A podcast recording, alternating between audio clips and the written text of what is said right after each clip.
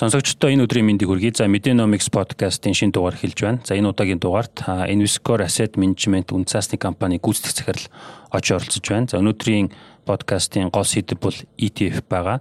Invescore Global Q хамтын биржээр арилжаалагдаг сан буюу ETF үүсгэн байгуулагдсан байгаа. Тэгэхээр энэ бол хөрөнгө оруулагчдын хувьд бол бас шинэ нэгэн боломжийг нээж өгч байгаа.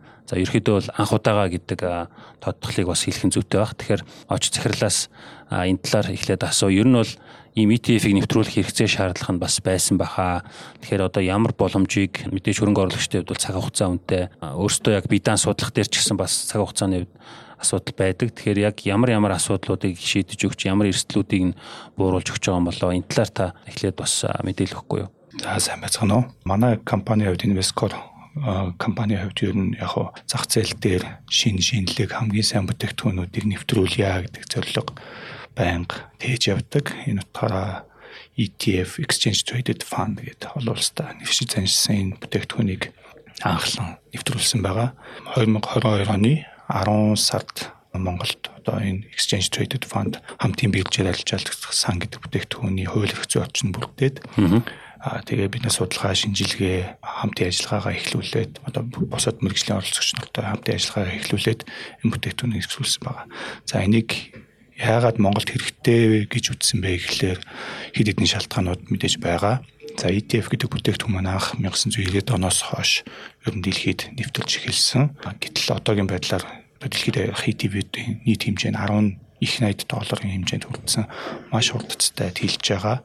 Яагаад тэгэхээр энэ үнэхээр үр ашигтай хөрөнгө оруулалтын хэрэгсэл болж чадсан байж байгаа. Одоо сүүлийн үед бол бүр нөгөө хамтын сангууд mutual fund-ууд нь ETF рүү хөрвөх ийм үзэгдлүүд бас их ажиглагдаж байгаа. ESG ETF ч гэдэг юм уу те bond ETF ч гэдэг юм уу одоо ETF опшонууд ч гэдэг юм уу те ETF төрлийн ETF экосистем хамаарах маш олон төрлийн бүтээгдэхүүнүүд нэмэгдээд байна л да.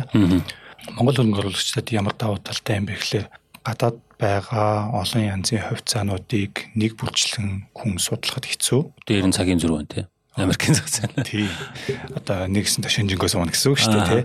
За тэгээд дээрэс нь жишээ нь одоо холбооны нөөцийн банк буюу одоо Төв банк нь нэг шийдвэр гаргалаа гэхэд л ингээл зах зээл савлж идэг шүү дээ тий. Тэр бол Монголын цагаар яг шөнөөр байдаг, шөнөөдөг. Тий. Тэгэхээр дундаж хөрөнгө оруулагч нар тэрийг бүгднгийн одоо хойноос нь дагаад судалгаа хийгээд авах хэцүү. За тэгээд тэр дундаа нэг хувьцааг энэ онох хувьцаа гэдгийг тодорхойлоход бол хэцүү байдаг байхгүй.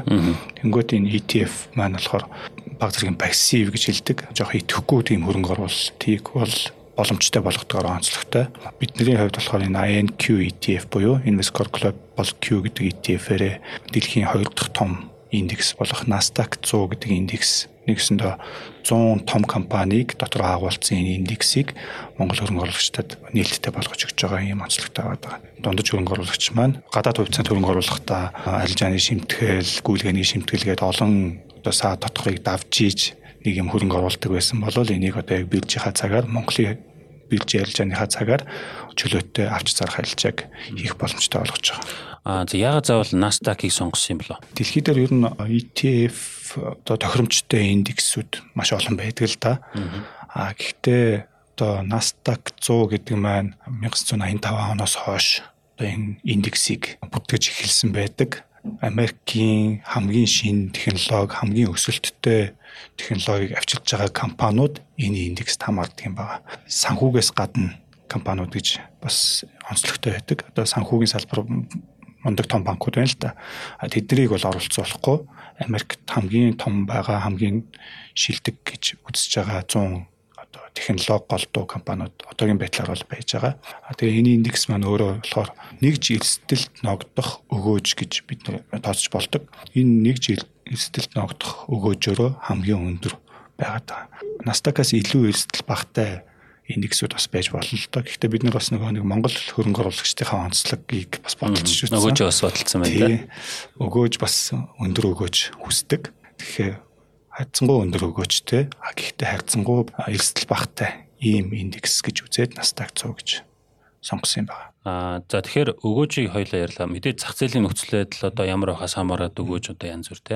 Одоогор бол бодлогын хөө өндөр байна. Төв банкуд томоохон төв банкуд бол бодлогын үгээ буулгаж эхлэегүй байна. Ганц нэг нь яг хөө ингээд өсөл ахиж өсөхөө одоо түр азнаад одоо байж штэ. Тэгэхээр 24 оныг аваад үзэл да танах одоо бас мэдээж судалгаа шинжилгээ хийж л байгаа. Дунджаар хэдэн хувийн одоо өгөөж хийх боломжтой гэж ер нь тооцож байгаа байна. Энэ индекс маань би түрүү хэлсэн нөгөө 1985 оноос хойш тооцоод явж байгаа. Сүүлийн 30-аад жилийн хугацаанд дундаж өгөөж нэг 10 12-оос 17% өгөөж өгдөг юм байлээ. Яг энэ Nasdaq-ийн бас нэг онцлог нь хэм бол одоо энэ хугацаанд чинь бас өчнөл болон хямралууд болсон байж тээ санхүүгийн хямралууд болсон байна. Тэгэхэд 2 жил дараалж унсан тохиолдолд ер нь байдаггүй юм байлээ. Яг тэр нөгөө хямралтай жилдээ бол мэдээж бас зах зээлээ дагаад унсан л байна л да. Гэхдээ дараа жилдээ тэр нөгөө уналтаа нөхөөд тэрнээс цаашаа ахаад өссөн. Тэр жишээ нь түрүү жил нөгөө ковидын дараах хямралаар бол энэ индекс үнэхээр унсан 30-аад хувь унсан байлээ. Энэ жил буцаад уналтаа нөхөөд дээрээс нь дахиад өссөн нийтдээ нэг 40% өсөлттэй байж байгаа. Тэгэхээр ер нь макро трендээ бас харж байгаа. Мэдээж 100% цаг дотроо агуулсан гэдэг чинь бид нэг бүрээгийн шинжилнэ гэдэг бол утгагүй асуудал аа. Тэгэхээр макро трендээ харж байгаа. Энэ хувьцаа энэ индекс дотор агуулж байгаа нийт хувьцаануудын 50 гаруй хувь нь технологийн салбарын компаниуд байна. Өшөө энэ нийт 100 100 компани одоо орлогын бүтцийг нь хараад харах юм бол 40 гаруй хувь нь Америкийн зах зээлээс хамааралгүй орлоготой компаниуд байгаа тийм тий. Одоо бидний сайн мэдих Google гэдэг хэд чинь дотор нь өчнөө олон янзын компаниуд байдаг үлээ тий. YouTube гэхэд л өөрөө маш том орлогын бүтцтэй компани байж идэг тий. Тэгэхээр YouTube-ыг агуулсан Google-ийн дотор байж идэг гэх мэтчлэн. Тэгэхээр ер нь бол яг эсэлт ах чадвар нь өндөр. Эстлэхэд буцаагаад тэрийг нөхчих чадвар нь бас өндөр. 24 оны тухайд бол бодлогын хөв өндөр байна. Индекс дагуулж байгаа компаниудын үн ашигын харьцаа гэж хэлдэг. Тэр нь бас өндөр дээр байгаа боловч хөрөнгө оруулагчид бол одоо цаашдаа хэрвээ бодлогын хөв ингээд докторж жоод өшөө цаашдаа буурах юм бол энэ компаниудын ийэлт гэж яддаг те өгөөж нь бол хангалттай өндөр байх боломжтой гэж үзээд одоо сая гэхэд чинь бодлогын хүний мэдээ гарангууд шинээр гарангууд л 6 7 хувиар 2-7 хоногийн дотор өсөж байгаа юм л та.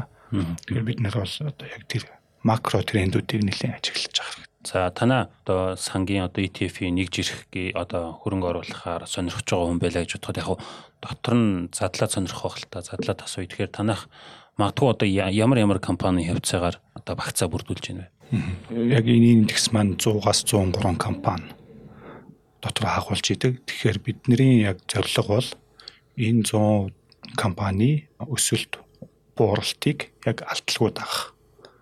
Тэгэхээр буурж ингээд одоо хамгаалах бол бидний зорилго биш. Яг тэр ханшийн хөдөлгөөнийг нь алталгүй даах. Одоогийн байдлаар бол бид нэг 99.6% дагж байгаа.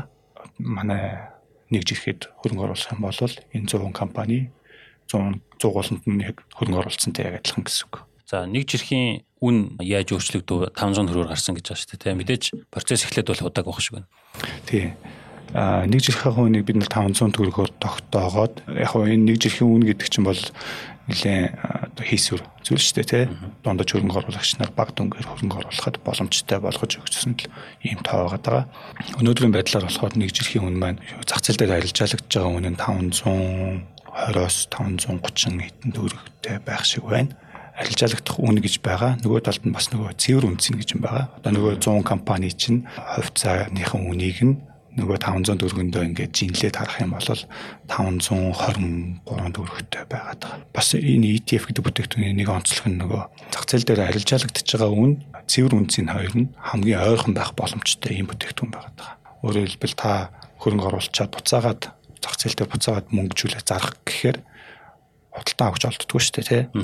Манай ETF-ийн хувьд болохоор нөгөө мэрэгжлийн оролцогч гээд таван брокерийн компани зах зээл үүсгэгчээр ажиллаж байгаа. Тэгэхээр та цэвэр үнцэнтэй ойрхон үнээр хэрвээ зарьяа гэх юм бол тэрийг худалдаж брокерууд авах юм уу те? Худалдаж авах брокерууд нь бэлэн байж байгаа гэсэн. Аа зүг зүг зүг. Аа брокерууд ч гэсэн өөртөө бас боломжийн үнээр аваад мэдээж өсөлтөөр ашиг хийхийг зорих байх зүг. Тий. Яг одоо энэ бүтээгдэхүүний онцлог нь тэр байгаа. Брокерууд өөрсдөө аваад боломжийн үнээр зарна нөгөө талдаа боломжийн үнээр бас санал болгоно. Санал болгоно гэсэн үг.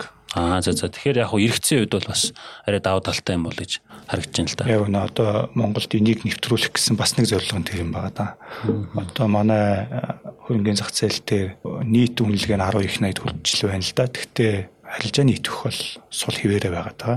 Өдөрт нэг 100-аас 200 сая төгрөгтэй тэнцэх хэмжээний арилжаанд хийгдэж байгаа байхгүй юу?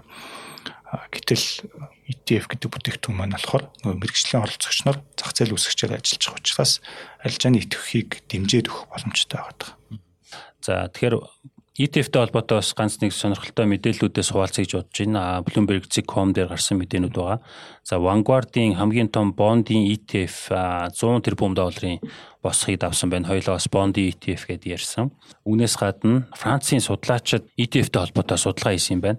За энэ дээр яасан бэ гэхээр яг тодорхой хэмжээнд бол пассив хөрөнгө оруулалттай тооцогддог. Энэ индексийг дагсан энэ их мөнгө одоо орж ирснээрээ нөлөө нь яаж гарч ийнэ гэхээр тухайн одоо компаниудын хувьцааны ханшийн огцом хөдөлгөөнд нөлөөлдөг ийм сөрөг талтай ч гэсэн ийм судалгаа гарсан байна л да. Тэгэхээр мэдээж аливаа хөрөнгө оруулалтын бүтээгдэхүүн бол дагаад эрсдэлтэй байдаг те. Эрсдэл талаасаа та бас юуг онцолж хэлэх вэ? Хамгийн түрүүнд би бас хэлсэн нөгөө ETF гэдэг бүтээгдэхүүн маань үр ашиг ихтэй учраас ер нь бол нийт хамтын хөрөнгө оруулалтын сангуудын 40 орчим хувийг ETF эзэлдэг болсон байна. Хамтын хөрөнгө оруулалтын сангууд ETF рүү хөрвдөг болсон байна. За нийт одоо equity буюу хувьцааны арилжааны 10 дэлхийн хэмжээнд яриад үзэх юм бол 12 3%-ийг ETF арилжаа эзэлдэг болсон байна. Одоо энэ чинь зөвхөн 90-ад оноос хойш л дэлгэрж байгаа бүтээгдэхүүн шүү дээ тий. Тэгэхээр яхаар гол энэ нэг хөрөнгө оруулагчдын хараад байгаа үнцийн давуу тал байгаад байна гэсэн үг тий. А нөгөө талдаа зөнд олон судалгаанууд байна л да. Хэдийгээр ингээд ETF ETF-ийн хэмжээ нэмэгдэж байгаа боловч хувьцааны үнэнд бол тийм өндрөөр нөлөөлдөггүй. Яагаад тэгэхээр эн чинь өөрөө нөгөө мэрэгжлийн хөрөнгө оруулагч тооцоог нь хийж байгаа. ETF-ийн эрэлт нь нэмэгдэж байгаа ч гэсэндээ нөгөө талдаа нөгөө underlying asset буюу одоо Apple-ийн ч байна Amazon-ы төр хувьцаанд болохоор яг л суурь шинжилгээнийхаа дагуу хүмүүс хөрөнгө оруулж байгаа байхгүй юу. Нөгөө одоо ETF-ээр 10 гаруй хувь нь арилжаалагдчих жахад үйлдсэн 90 гаруй 80 хэдэн хувь нь болохоор яг л хувьцаанд хөрөнгө оруулж байгаа байхгүй. Тэгэхээр тэр хүмүүс чинь өөрөө хувьцааныхаа үнийг тодорхойлж өгч байгаа. Тэгэхээр яг хувьцааны үнэнд бол тийм айхтар нөлөөлдөггүй гэсэн судалгаанууд бас байдаг юм байл л дээ. Харин арилжааны идэвхэд бол яарахгүй нөлөөлдөг. Жишээлбэл одоо Польш, Солонгосын кейсүүд бас байдаг юм байлээ. Америкийн ETF-ийг Америкийн S&P ч гэдэг юм одоо энэ манай Nasdaq 100 индексүүдийг ETF болгоод зах зээлдээ оруулж ирснээрээ арилжааны идэвхийг 40 гаруй хувь а дөрөв дахин нэмэгдүүлсэн юм судалгаанууд ч гэсэн байт юм билээ. Танай байгууллагын хувьд бол ингээд Nasdaq зориулсан юм ETF нэвтрүүлж байна. Дотоодын өрнгийн захын зах зээл аваад үзвэл за банкуд байна, даатгал байна, уул уурхайн одоо арилжаа ингээд явж байна те.